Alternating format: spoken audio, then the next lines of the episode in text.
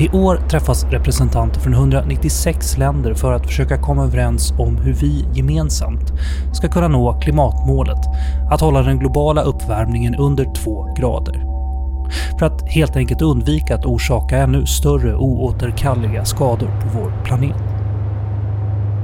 Mötet, COP26 som hålls i Glasgow, har redan omnämnts som en sista chans att hitta en lösning. Men varför är det så svårt att komma överens i klimatfrågan? Särskilt när forskningen är så entydig. Vad är det för intressen som står i vägen?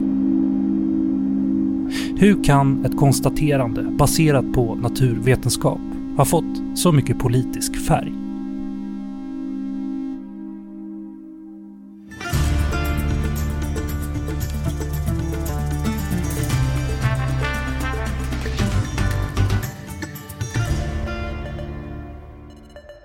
Du lyssnar på Utrikespolitiska institutets podd Utblick och jag heter Jonas Lövenberg. Från den 31 oktober till den 12 november i år så träffas 197 parter, 196 länder och EU i Glasgow i Skottland för att försöka hitta en väg framåt i klimatfrågan. Conference of the Parties, COP26, är den 26 sammankomsten av sitt slag. Tidigare framgångsrika COP-möten är COP 3 i Kyoto 1997 som resulterade i Kyoto-protokollet och COP 21 i Paris 2015 som resulterade i Parisavtalet. Men det har gått ganska dåligt ett par gånger också. Man inte lyckats komma vidare i klimatfrågan nästan överhuvudtaget. Och för varje gång en COP-sammankomst inte ger resultat så förlorar vi dyrbar tid som vi behöver för att få ordning på det här globala problemet. Och för att hjälpa mig förstå varför det är så svårt att lösa klimatfrågan har jag med mig Nagme Nasri forskare vid UIs program för global politik och säkerhet och vid Stockholms universitets statsvetenskapliga institution. Välkommen! Tack så mycket. Jag har också med mig Gunilla Reichel, seniorforskare och programchef vid UIs program för global politik och säkerhet, GPS alltså. Välkommen tillbaka till Utblick Gunilla. Tack så mycket. Hur känns det att sitta här igen? Väldigt, väldigt roligt. Ja, vad bra. det skrämde bort dig förra gången. Um, vi ska börja i Glasgow tänkte jag. Um, vad, vad är det som står på spel vid COP26 egentligen? Gunilla? Enkelt uttryckt så kan man säga att tidsutrymmet för att begränsa den globala uppvärmningen minskar. Uh, och uh, enligt IPCC, alltså FNs klimatpanels senaste rapport som kom i augusti, så är det här det är fortfarande möjligt att minska den globala uppvärmningen.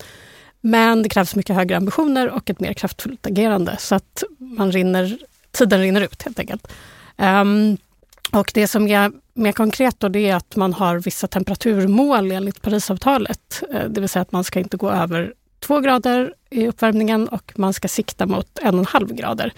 Och, eh, de här, och för att göra det då måste de här globala utsläppen halveras till 2030. Och det som är nytt också i och med Parisavtalet det är att länderna lämnar in nationella klimatplaner där de då anger vilken ambition de har i sin klimatpolitik. Det vill säga då vilka utsläppsminskningar de förbinder sig att göra till olika årtal. Och det här görs för femte år och meningen är då att man ska skärpa ambitionerna vid varje inlämning och det är väldigt centralt. Och när man lägger, upp, lägger ihop den här kollektiva ambitionen så har det hittills visats att det inte räcker. Så, så därför så är det här mötet så pass viktigt att se liksom, hur kan man driva upp ambitionen för att klara den här eh, temperaturmålen då, så, och, och, därmed skydda oss från uppvärmningen. Um, och man kanske kan tillägga här att det står inte och faller med just det här mötet, utan Alltså det här mötet är väldigt betydelsefullt för att pressa fram en mer ambitiös klimatpolitik, men det är också en bit i en större process. Mm. Ja precis, det här eh, att folk har uttryckt sig att det är sista chansen stämmer inte riktigt då. Eh, nej, vi kanske kommer in på det lite längre fram. Mm, eller säkert. Kan, ja. ja. Men, men just att det är ju väldigt, alltså mötet i sig och, och vad som blir resultatet av det är ju väldigt viktigt för tilltron och ja. tilliten i, i eh, klimatpolitiken. Mm, just det, så det är en av de sakerna som mm. står på spel, tilltro. Ja, precis. Mm. precis. Um, ja, det finns någon som undrar så här, um, är det inte uppenbart vad som behöver göras om vi lyssnar på forskarna? Så vilket är, vilka är de största problemen eller faktorerna som står i vägen för att vi ska komma vidare i klimatfrågan? Nagme? Eh, det är som du säger, det är uppenbart vad som behöver göras och det är att vi måste ut, eh, fasa ut fossil energi och vi måste snabbt minska avskogningen i världen. Men det är lättare sagt än gjort. Eh, våra ekonomier är uppbyggda på fossil energi. Det är så vi har fått ekonomisk utveckling. Så klimatfrågan handlar egentligen om pengar och intressen. Det står ju oljeintressen till exempel och kolintressen mot eh, den förnyelsebara energins eh, intressen. Och så kommer man också in på frågor om klimaträttvisa, om hur den här omställningen ska göras för att det ska bli rättvist, både inom länder men också mellan länder. Kan du ge ett exempel på en klimaträttvisefråga? Eh, den stora frågan internationellt har ju varit hur de rika länderna ska snabbt minska sina utsläpp eftersom att det är de historiska utsläppen som mm. ger eh, klimatförändringar idag. Och eh, de fattiga länderna har sagt att vi behöver hjälp att ställa om våra ekonomier. Så finansieringsfrågan har varit väldigt stor från start och eh, under Köpenhamnsmötet 2009 så kom världens länder överens om att de rika länderna ska bidra med 100 miljarder dollar per år från 2020. Och det har vi sett att det har man inte lyckats med än. Så det är också en sån förtroendefråga att man inte lever upp till sin del av avtalet. Har du någonting att säga om det här Gunilla? Jag, ty jag, tycker att det är lite intressant att göra en liten historisk ja. blick på frågan. För att det, det, här är ju någonting som utvecklas hela tiden, politiken och vetenskapen kring klimatfrågan. Numera är ju vetenskapen, alltså det finns en bred uppslutning kring vetenskapen och en, en stor insikt skulle jag säga om, om allvaret i frågan. Samtidigt så har det alltid funnits ett pedagogiskt problem. Hur kan man observera klimatförändringarna med blotta ögat? Och det kan man ju inte generellt. Numera kan man ju se vissa katastrofer och så som är lättare att relatera till klimatförändringarna. Men det har ju genom åren liksom skärpts, det kunskapsläget. Eh, sen är ju det att också tidigare åtgärder som man föreslår för att komma till rätta med problemen är ju, har ju slagit eller liksom kommit direkt i hjärtat av våra ekonomiska system och tillväxt. Och, så de frågorna har ju alltid ställt till det. Nu är det ju också så att man har hittat andra vägar runt det här. Solenergi till exempel har blivit billigare. Det, omställningen underlättas ju av sådana investeringar. Så, att, eh, så, att, så, frågan förändras hela tiden, men den typen av problem har hela tiden funnits. Och då, sen kommer man in på den här rättviseproblematiken eh, som, som Nagme eh, så väl beskrev här. Och, och, det handlar ju hela tiden, det har ju alltid legat i, som en linje i klimatdiplomati, klimatpolitik. Vem är ansvarig? Mm. Hur ska man räkna? Eh, från vilken tidpunkt? Vem är ansvarig nu? Vem är historiskt ansvarig? Så. Men förlåt, det, låter rent krasst som att det stora problemet är pengar till slut. Är det så? Jo, men jag tror att åtgärderna som har hela tiden utmålats så som att det är ett hot mot den amerikanska livsstilen eller den västerländska livsstilen. Vi måste sluta köra bil, vi måste sluta resa. Eh, det kostar pengar. Samtidigt så har man ju då när man ser, nu ser man ju nya möjligheter i omställningen. Att det är någonting som kan vara bra. Och dessutom så blir ju konsekvenserna mycket värre eh, än, än vad kostnaderna blir för att faktiskt göra någonting för problemet. Nej, vad har du något mer att säga om det här? Ja, jag kan bara lägga till att eh, investeringar som görs för klimatomställningen idag kostar pengar för skattebetalare idag. Men det stärker konkurrenskraft och det stärker resiliensen i samhället mot klimatförändringar. Och det är därför man måste ha ett långsiktigt perspektiv som ibland saknas eh, i företagsledningar. Och apropå företag då, det, det är ju till största del företag som står för de här skadliga utsläppen och det är förstås knutna till den produktion som ska tillfredsställa vår konsumtion. Hur pratar man om det här sambandet när man letar efter lösningar? Gunilla? Ja, om man går lite bort från de här direkta klimatförhandlingarna då, så är ja. ju Agenda 2030 och de målen som finns i Agenda 2030, hållbarhetsmålen, det är ju, där har man ett mål som handlar om omställning till hållbar konsumtion och produktion för att minska påverkan på klimatet. Så där finns det ju ett mål. Nu är ju Agenda 2030 mer som en, en guide kan man säga, så det är ingenting bindande eh, för länder, men det är någonting man arbetar utifrån. Och det är ju väldigt många Eh, alltså för näringslivet, företag som, är, som har de här frågorna högt upp på sin agenda och försöker ställa om och arbetar mot de här målen. Ehm, så sen är ju, om man tar produktion och konsumtion eh, samlat så, så är ju det en extremt stor fråga som finns egentligen överallt. Den går ju på tvärs igenom flera områden. Ja, det man ser är ju att de största energibolagen har ju bidragit till de största utsläppen. Och det har ju med fossil energi att göra. Men eh, det som kanske inte många vet är att Parisavtalet eh, inte behandlar frågan om fossil energi. Och det har helt enkelt med det att göra att det sitter oljeproducerade länder med och förhandlar och alla måste komma överens. Och eh, därför är det svårt att ta med sådana aspekter i klimatförhandlingarna. Men däremot som Gunilla sa så, så finns det ju en agenda för länder att jobba med sådana frågor på hemmaplan. Men det låter ju besvärligt om man inte kan prata om ett av de största problemen då vid de här förhandlingarna. Ja, och det är så det internationella systemet är uppbyggt, är att alla länder har en röst och alla måste komma överens. Okej, men så att då vid COP26 så kommer man inte prata om den här frågan då, är det så? Inte i förhandlingsrundan. Däremot så finns det sidoevenemang och olika kampanjer som bland annat Storbritannien håller i, där man försöker nu att eh, få stopp på kolutvinning. Så det finns ju små steg som tas i den riktningen. Okej, men då måste jag också fråga, hur viktigt är det att lösa frågan om fossila bränslen om man ska få ordning på klimatmålet? Då? Det är väldigt viktigt eh, eftersom forskning visar att vi måste hålla nere eh, utsläpp av fossil energi och det betyder att all kol och all olja och gas kan inte utvinnas, eh, även om det finns eh, att utvinna. Och det måste ju gå rättvist till. Så stora länder som eh, Norge och Storbritannien säger att eh, vi har grönare fossil energi än andra, så att det är andra länder som måste dra ner. Medan de säger att eh, vi är fattiga länder och vi behöver de här inkomsterna. Så det är svårt politiskt. Det låter rörigt. Eh, finns det någon chans då att man, att man eh, möter en ny överenskommelse där man kan hantera de här frågorna? Eller finns det någon chans på COP26 eller ens det är något som vi studerar genom klimatklubbar. Alltså mm. att vissa länder som redan har bestämt sig för de här stegen eh, tar ett initiativ och försöker få med sig fler och fler länder på tåget. Så nu under COP26 så kommer vi se Costa Rica och Danmark eh, i ett nytt initiativ för att försöka få stopp på oljeutvinning.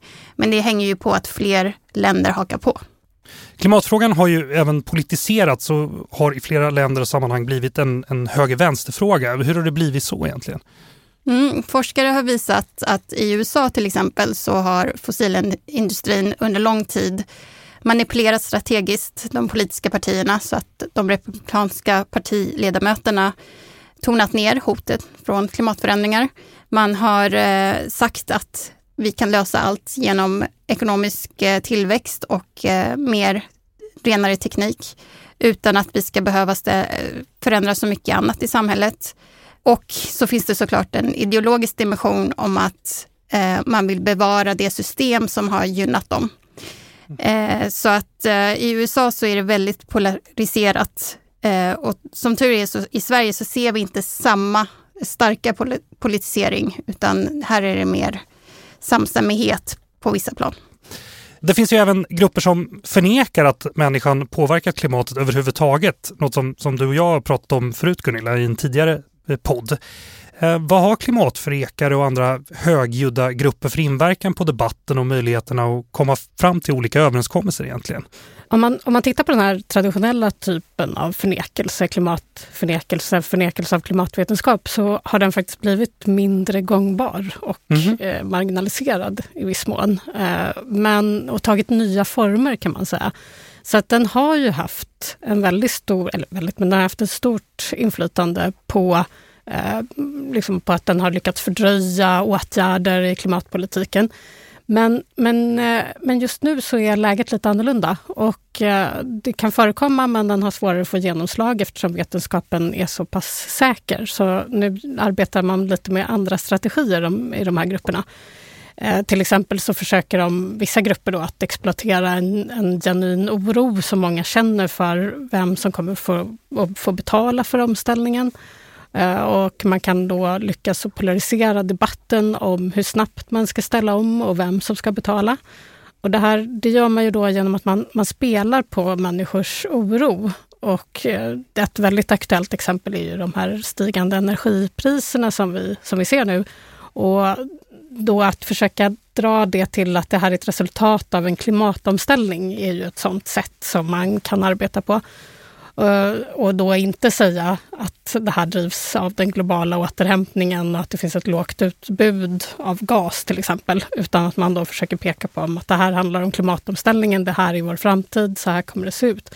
Då tar man inte heller upp eh, vad kostnaderna skulle bli för att inte ställa om. Så det är ett exempel på hur man har lyckats hitta andra sätt istället för att rent ut förneka vetenskapen. Och jag menar om man tittar eh, liksom över Europa eller västvärlden så, så har ju klimatfrågan blivit en sån stark politisk fråga på nationella och internationella politiska agendor. Och, och jag menar, många väljare driver ju de här frågorna. Så det är därför att det är svårt att få, få gehör för den där eh, rena vetenskapsförnekelsen. Som sagt, den finns fortfarande men den är något marginaliserad skulle jag säga. Men är det så att det är några små grupper som är ganska högljudda egentligen och eftersom de eh, ju representerar en lite kanske eh, konstig åsikt ibland så kanske de får mer uppmärksamhet än, alltså som inte är representativ för hur många de är. Kan det vara så? Ja, men absolut om man pratar om den här eh, rena vetenskapsförnekelsen. Ja, det är väl det, det, är väl det jag precis. Ja, precis. Nej, men då, då, tror jag man skulle kunna säga det att, att de har liksom blivit just tryckts ut lite ur debatten gör ju då att man försöker hitta andra strategier. Mm. Så att även om, om de här liksom högljudda vetenskapsförnekarna fortfarande kan höras så tror jag inte att de har så stor påverkan på det sättet. Men däremot så öppnar det ju upp sig ett nytt landskap för populister eh, av olika slag när man, när man pratar om omställningsfrågor. Och där kommer man ju in lite på de här alltså vikten av rättvisa i de här frågorna, både mellan länder men också inom länder och, och mellan olika grupper. Så att, att, att på något sätt eh, lyckas få med sig alla på en omställning, det blir ju oerhört centralt. Så att eh, om man inte gör det så kommer man ju populister kunna exploatera de här eh, skiljelinjerna, ska säga, eller konfliktlinjerna som finns i frågan. Går det att motverka på något sätt, liksom populismen kring klimatfrågan? Fixa det här. Nej, men, Nobelpris. Nobelpris. Det luktar Nobelpris. Ja, eh. men, men som jag säger så tror jag att det, det, alltså det är en svår fråga, det är en svår mm. politisk fråga. Men, om man, om man, men visst bör man kunna eh, hitta åtgärder för att hantera de som är mest utsatta, så att säga, för till exempel eh, eh, höjningar av bensinpris. Mm. Eh, det borde ju kunna gå politiskt att kunna göra någonting åt det på olika nivåer i ett samhälle, eh, nationellt, internationellt. Eh, jag kan inte riktigt föreslå ett åtgärdspaket, nej, nej. men mm. samtidigt att, att vara medveten om att de här frågorna kommer att användas politiskt av olika grupper som då vill polarisera debatten. Så det är väl det också. Vad, vad, måste vi känna till för att förstå motståndet till att göra förändringar som forskningen visar vara nödvändiga? Vi har varit inne på några saker här, men eh, Dagmar, har du något svar på den frågan? Ja, jag tror att när man tänker klimatförändringar så tänker man en miljöfråga. Men man tänker kanske inte att det här är en stor samhällsfråga som innebär att vi har eh, en livsstil som bygger på fossil energi som nu måste ändras om. Och människor är ju vanedjur och vi har vissa tankemönster och tankestrukturer som forskningen har visat eh, att vi gärna pekar på andra som ska ställa om, men inte oss själva. Och det hindrar ju omställningen. Så att, eh, att prata om vad, vad klimatförändringar är för sorts fråga och vad som behöver göras, olika lösningar, det tror jag att vi måste bli mycket bättre på. Då ska vi eh, ta och titta framåt då, tänker jag. Ehm, nu har vi pratat om olika orsaker till varför det skaver i klimatfrågan, eh, ibland i alla fall. Eh, men hur ska vi komma vidare då? Vi ska börja med att lyssna på det här. Kermit the Frog sang It's not easy being green. I want you to know that he was wrong. He was wrong. It is easy. It's not only easy, it's lucrative and it's right to be green. He, although he was also un- unnecessarily rude to Miss Piggy, I thought, uh, Kermit the Frog. But it is easy uh, to be green. We have the technology, as we used to say when I was a, when I was a kid. We can do it. We have, so, so in 40 days' time, we have the choice before us. Ja, det här var alltså Storbritanniens premiärminister Boris Johnson i ett tal han höll för några veckor sedan apropå Storbritanniens värdskap för COP26. Och för oss som bor i högteknologiska industriländer kanske en omställning till ett mer klimatsmart samhälle inte är så långt borta som premiärministern påstår. Men situationen ser ju annorlunda ut i mindre utvecklade länder. Vi har redan pratat lite om det här, men vad, vad, spelar den här obalansen för roll när det kommer till utmaningar för att lösa klimatfrågan? Nagme? Ja, man kan säga mycket om eh, Boris Johnsons tal där. Ja. Eh, men, men dels så visar det att många politiker inte är helt ärliga med de utmaningar vi står inför. Eh, till exempel i hans eget parti så har hans kritiker sagt att eh, han går för snabbt fram eh, och att det är pengar då som saknas för att göra den här omställningen. Och sen om man tänker på, på fattiga länder som kanske inte har de här tekniska lösningarna, de behöver ju verkligen stöd, kapacitetsuppbyggnad och finansiella resurser. Eh, så de tänker att vår befolknings största prioritering är att få tillgång till elektricitet. Det har ju inte alla människor i världen. Och då när eh, det fram tills nu varit billigare att bränna kol än att sätta upp solpaneler så har man gjort det. Men nu så har ju priserna på förnyelsebar energi minskat drastiskt och det hjälper ju till omställningen. Men starka intressen står fortfarande i vägen och säger att vi har den här teknologin som har funkat historiskt så att vi ska fortsätta med den i framtiden. Och då behöver de hjälp för att kunna ta sig loss från den dynamiken att eh, sitta kvar i gamla system. Du menar de mm, sämre bemedlade staterna? Precis. Men okej, okay, men om jag frågar så här, hur ser ett sånt här stöd ut då? Åker eh, brittiska ingenjörer till ett land och bygger ett solkraftverk där? Eller hur, hur, hur fungerar en sån här stödfunktion? Det finns ju olika sorters stödfunktioner mm. eh, och eh, FNs klimatkonvention har ju varit med och hjälpt till att bygga upp en grön klimatbank, investeringsbank till exempel. Så det handlar om både att ge finansiella förutsättningar men också tekniskt stöd. Och nu finns det väldigt många olika typer av eh, icke-statliga aktörer, liksom, eh, transnationella nätverk som hjälper till eh, att få ut den förnyelsebara energin.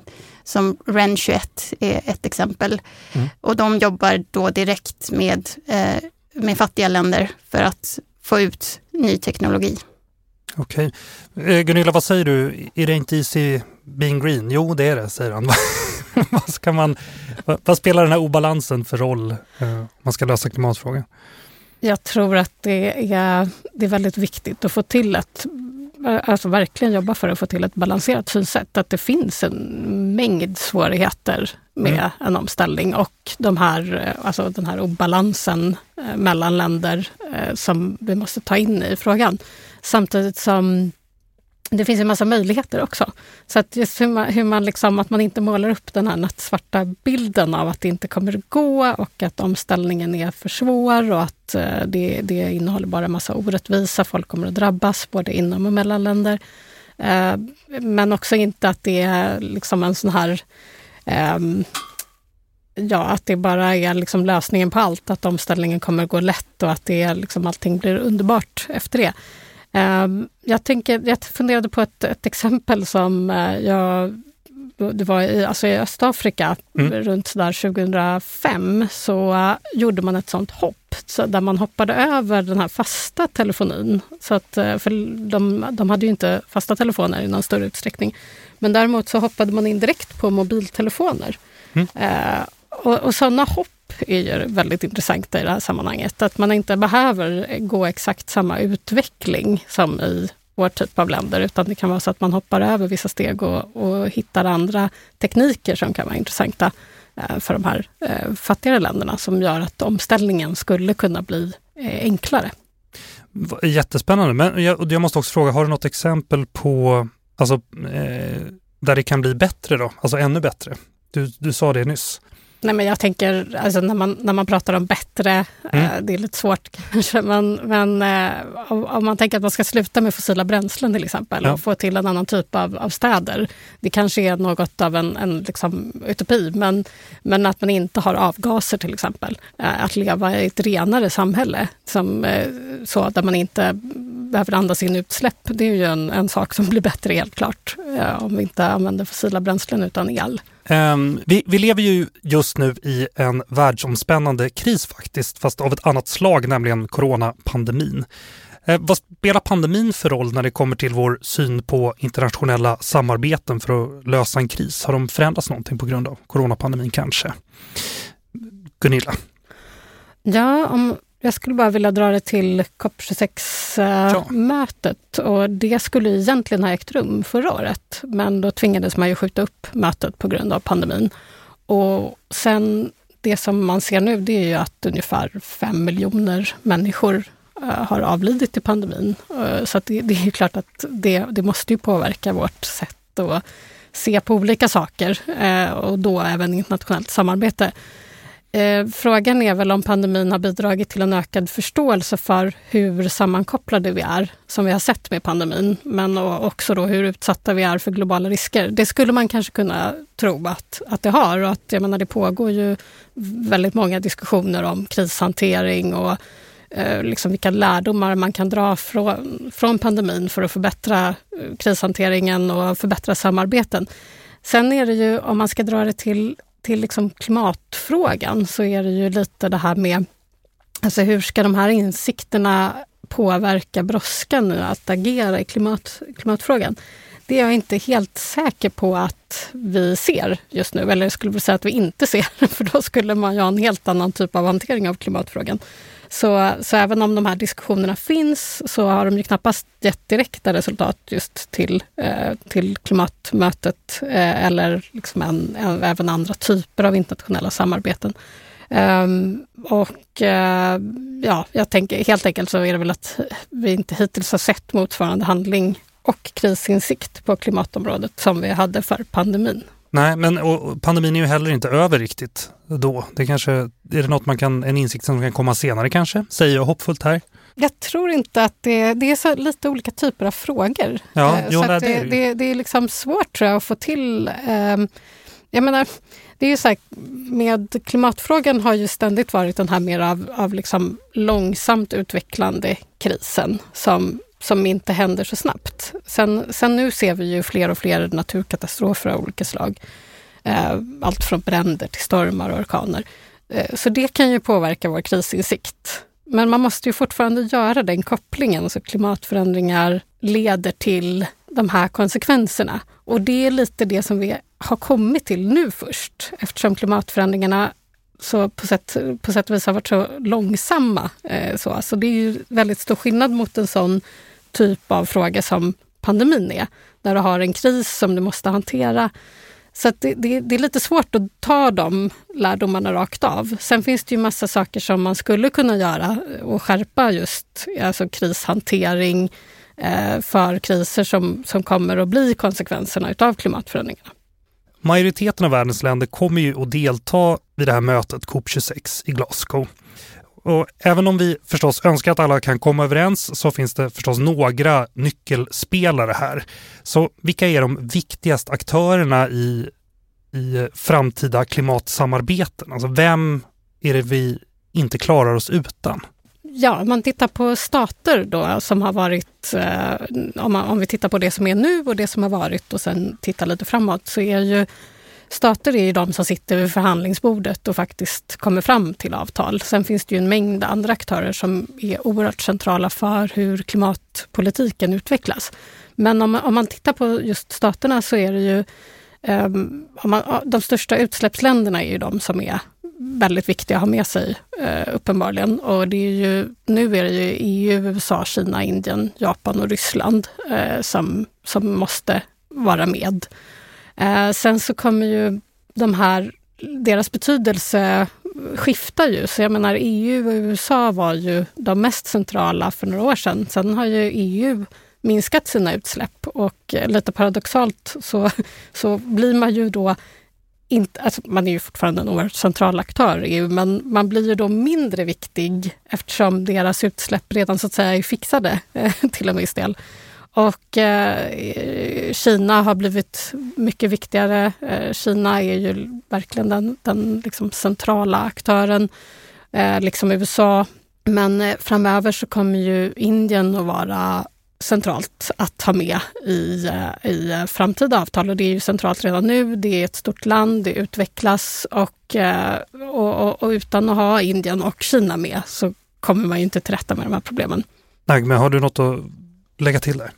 Ja, förutom de statliga aktörerna så eh, har ju vi på, i vår forskning också tittat på icke-statliga aktörer. Ja, så det kan vara företag eller civilsamhälle eh, och så. Och eh, där har ju FN nu eh, startat en Race to Zero, att försöka få med de aktörer, det kan vara städer, kommuner, andra, som eh, förbinder sig att nå netto nollutsläpp eh, innan 2050. Och eh, de som är väldigt viktiga att få med, det är ju finanssektorn. För att mycket pengar måste eh, ändra riktning från det ohållbara till det hållbara. Och eh, där har Storbritannien faktiskt tagit ett steg nu i veckan att man ska eh, sätta regler på att företag måste redovisa sina planer för att nå netto-nollutsläpp. Eh, så det är ju e-, ett steg i att försöka bringa klarhet i vad är det liksom, den här omställningen, vad handlar den om och på vilket sätt ska vi kunna nå netto nollutsläpp? Just det, det är pengarna där igen. Yes. det är de där pengarna. Precis, just. Um, USA under den förra administrationen uh, sköt ju ut sig ur Parisavtalet. Uh, men nu under Biden-administrationen så är de med igen. Vad, vad innebär det här för, för uh, framtida överenskommelser och det här klimatarbetet?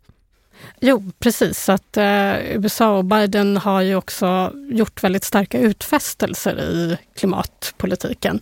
Och det här det ger ju ny energi till klimatsamarbetet. Eh, jag menar, nu var det ju så under, under den tidigare eh, ad, ad, eh, amerikanska administrationen så så fungerade ju ändå klimatsamarbetet. Det var ju så att länder, andra länder gick ju ihop och drev på, så att det, det var inte så att det, det, dog på något sätt. Men det här är ju en oerhört positiv utveckling ändå, att vi har nu en amerikansk president som är, som är villig att, att liksom arbeta för eh, klimatet på olika sätt. Sen, sen kommer ju USA är alltid väldigt komplext på det sättet att man har eh, man har alltid, som Nagme var inne på tidigare här i podden, alltså den här amerikanska politiken är svår för att du har alltid ett motstånd mot eh, klimatpolitik, klimatregleringar i en ganska stor del av de som är beslutsfattande där.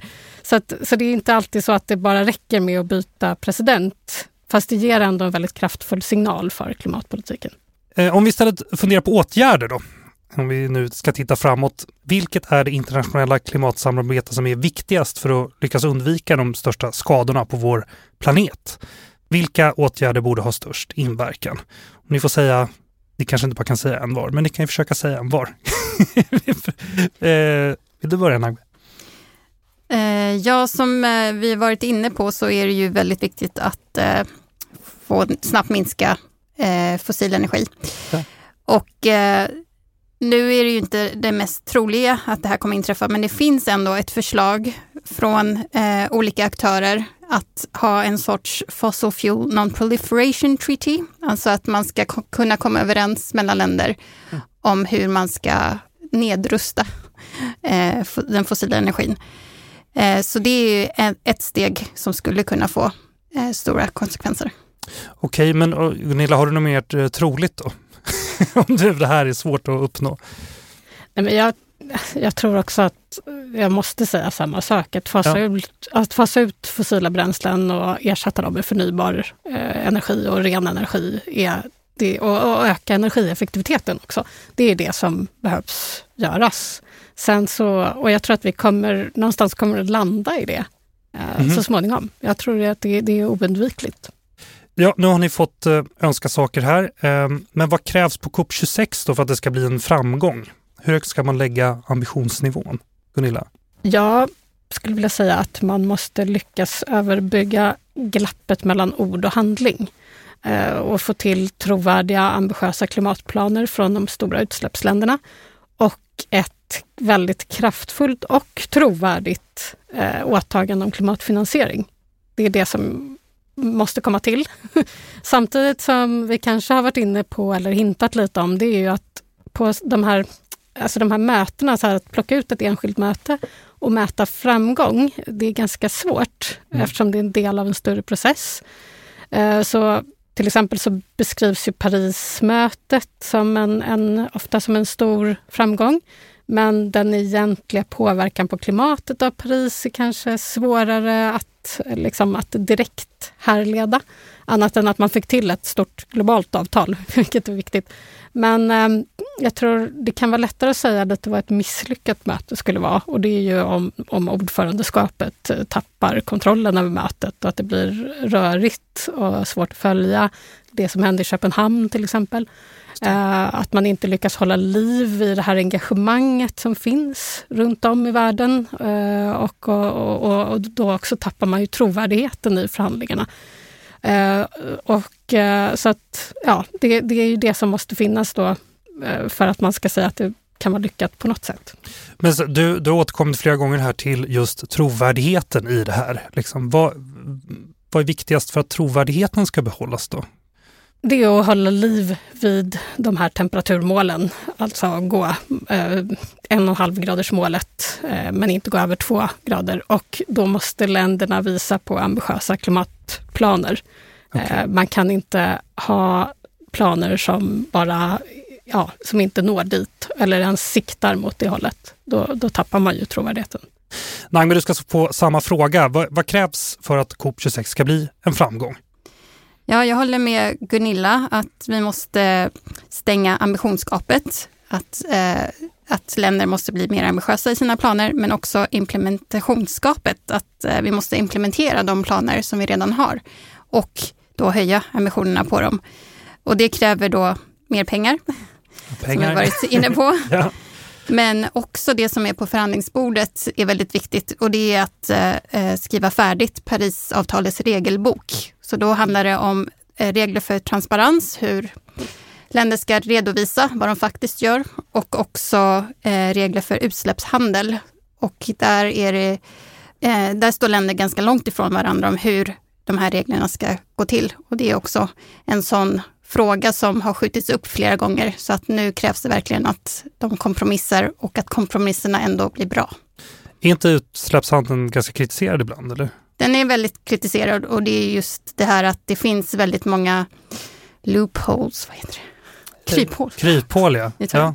Mm, eh, Okej, och det är de som man behöver stänga då bland annat? Eller? Ja, så det, det finns länder som menar att man ska kunna bokföra utsläppsminskningar i sitt eget land, men också i det landet som betalar för utsläppsminskningarna. Så då blir det en dubbel bokföring som inte gynnar klimatet. Avslutningsvis då, hur tror ni COP26 kommer att gå? Nu har ni fått önska och önska lite till, eller eh, åtminstone pekat på det som man behöver eh, lösa. Nagve, vad, vad tror du? Jag tror vi kommer se stora demonstrationer. Mhm. Jag tror att vi kommer se många fina tal. Men det som ändå är positivt är att politiker har befolkningens ögon på sig på ett helt annat sätt än det var bara för några år sedan. Och eh, att de inte riktigt kan komma undan med att säga saker som de sen kanske inte riktigt lever upp till. Så att nu är det större tryck. Och det är det som gör skillnad. Om, om vi medborgare ställer krav så kommer det att gå mycket snabbare. Gunilla, vad, vad tror du? Hur kommer det gå i Glasgow? Eh, Jag tror det Nagme säger är oerhört centralt för eh, liksom att kunna tänka kring resultaten. Och vad det gäller resultatet så tror jag att mötet inte kommer att lyckas uppnå temperaturmålet då, eh, utan att det är en del på vägen dit. Men det kommer inte att, att eh, leda, alltså mötet i sig kommer inte leda dit.